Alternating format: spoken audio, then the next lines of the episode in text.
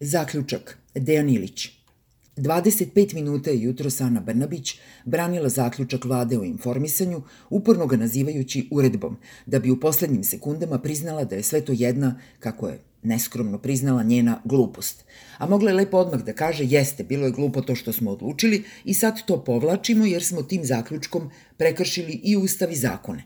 Argumenti Ustava i zakona na koje je mogla da se pozove, a koje je precizno izložio Rodoljub Šabić, na primer, o tome da zaključak nije isto što i uredba, a da se ovaj jedan konkretan zaključak kosi sa svime što čini pravni sistem ove zemlje, za Brnebić su nebitni, jer ona poznaje samo jedan drugi ustav i zakon, a to je Vučić.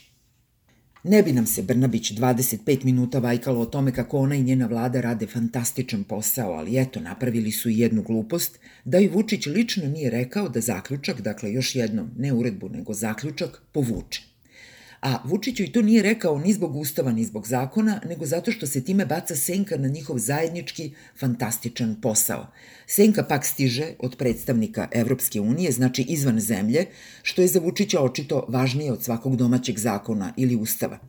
Da su bacači senke bili žitelji Srbije, Vučić i Brnabić bi to lako rešili. Naprosto bi ih pritvorili, kao što je sinoć policija pritvorila novinarku iz Novog Sada, Anu Lalić.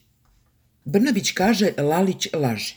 Nije istina, kaže Brnabić, to što Lalić piše da u kliničkom centru u Novom Sadu lekari i sestre nemaju opremu, da su im smene predugački i da zato stradaju više nego što bi to bilo prihvatljivo.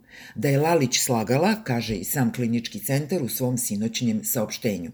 Saopštenje i prijeva centra bili su dovoljni da policija privede i pritvori Lalić. Pitanje za Brnabić – Ako se ispostavi da je centar slagao u svom saopštenju demantiju, da li će biti privedeni i pritvoreni autori tog saopštenja demantija? Jer to bi bilo jedino logično. Zapravo, logično bi bilo mnogo više od toga. Evo kratkog uputstva za logično postupanje umesto ekspresnog hapšenja. Novinarka je napisala da lekari i sestre u kliničkom centru rade u teškim uslovima i da su zbog oskudnih resursa izloženi preteranom riziku. Klinički centar to demantuje. Krizni štab vlade šalje ljude u klinički centar da provere šta je istina. Sa rezultatima se izlazi u javnost i demantuje ili potvrđuje pisanje novinarke. Tek onda, ako se pokaže da tekst nije tačan, novinarka se poziva na odgovornost. Ako se pak pokaže da je tekst istina, radi se sve da se kliničkom centru dostavi neophodna oprema za rad – Umesto toga imali smo trenutnu reakciju kliničkog centra i policije da je tekst laž i hapšenje novinarke. Saopštenju i kliničkom centru se veruje na reč, dok se novinarka automatski tretira kao lažljivica.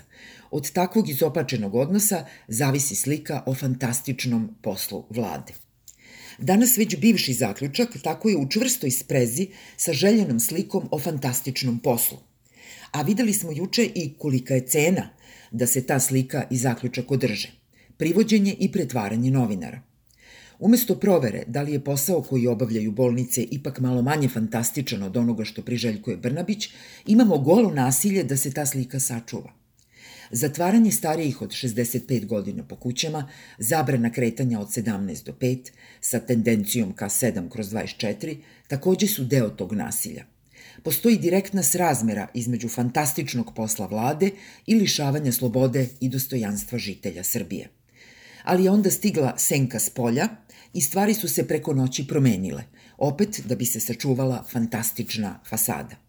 I izvođenje zaključka i njegovo povlačenje pokazuju da je fantastičan posao tek puki privid, veoma osetljiv na odnose moći. Kada su Vučić i Brnabić jači, privid se čuva hapšenjima. Kada su slabiji, privid se čuva administrativnom merom povlačenja odluka. Ni jedno ni drugo nema nikakve veze sa realnošću, jer da ima, onda bi i Predrag Kon morao u pritvor, jer je na nedavnoj zvaničnoj konferenciji vlade rekao praktično isto što je u svom tekstu rekla Lalić – Država nema kapacitete da se uspešno nosi sa ovom epidemijom. To je daleko od slike o fantastičnom poslu. Mada i fantastično se može razumeti na različite načine. Brnabić mi mogla recimo da kaže ovo je jedna uništena zemlja bez ikakvih resursa, potpuno zavisna od pomoći s polja. S obzirom na to što imamo, fantastično prolazimo. Nevolja sa ovom fantastičnom izjavom u tome je što bi Brnabić odmah morala da doda.